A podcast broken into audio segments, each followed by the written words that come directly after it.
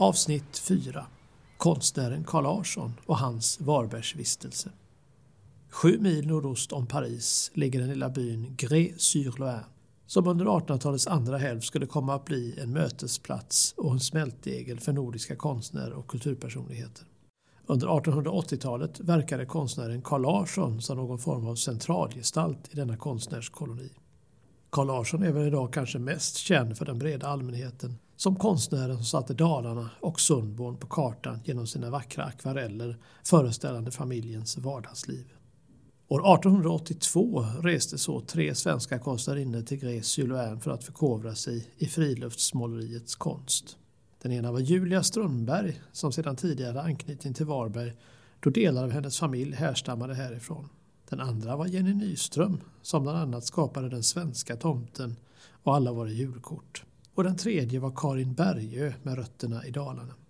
Väl på plats i Frankrike möttes Karin Bergö och Carl Larsson där kärlek uppstod omedelbart.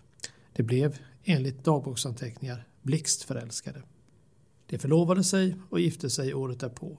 Ganska snart föddes deras två första barn, dottern Susanne och sonen Ulf och den nybildade lilla familjen reste tillbaka hem till Sverige och Göteborg där Carl Larsson hade erhållit sin tjänst på Valands konstskola. En tjänst han tilldelats av sin store välgörare och mecenat Pontus Fürstenberg. Ni har väl inte missat det Fürstenbergska galleriet på Göteborgs konstmuseum? Väl värt ett besök. Över sommaren 1887 hade Carl Larsson fått ledigt ifrån sin tjänst på Valand och den lilla familjen styrde då kosan söderut, närmare bestämt till Appelviken och Sövberget. Här förhyrde de en stuga av en stenhuggaränka och sommaren skulle komma att bli både lång och produktiv. Om hur livet tedde sig nere i Appelviken finner vi uppgifter i de många brev som sändes härifrån av paret Larsson och många var även de andra kulturpersonligheter som kom på besök denna sommar. Konstnärslivet var redan då bohemiskt och chockade en hel del av den chartauanskt präglade befolkningen. Flera av de verk som Carl Larsson skapade här i Appelviken denna sommar hör till hans kanske bästa. Det är en helt egen reflektion. Ta till exempel akvarellen Solitud som betyder ensamhet. På den akvarell ser vi Karin som ligger i gräset vid stenmuren medan hon läser en tidning i skuggan. Ensamhet är ett dubbeltydigt tillstånd som kan ha både negativa och positiva effekter. I detta fall är ensamheten av positiv karaktär och värderas då som en tid för egna tankar, vila eller arbete utan att bli störd.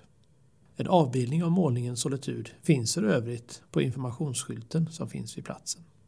Ytterligare en magnifik akvarell är den Vid Kattegatt som visar hela familjen i ett nästan impressionistiskt verk. Här ser man Karin med sonen Ulf i knät. Susanne står iförd röd klänning högt upp på en klippa och lite avlägset i bildens övre vänsterkant ser vi konstnären själv i grå kostym rökandes på en stor cigarr.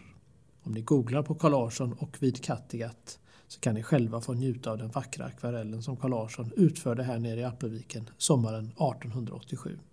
Stugan som paret Larsson förhyrde är borta sedan länge.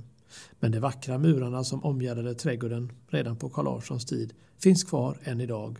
Och det är inte helt utan att man känner konsthistoriens vingslag, eller ska jag kanske säga konsthistoriens penseldrag, när man står vid Subbebergets fot i Carl Larssons trädgård.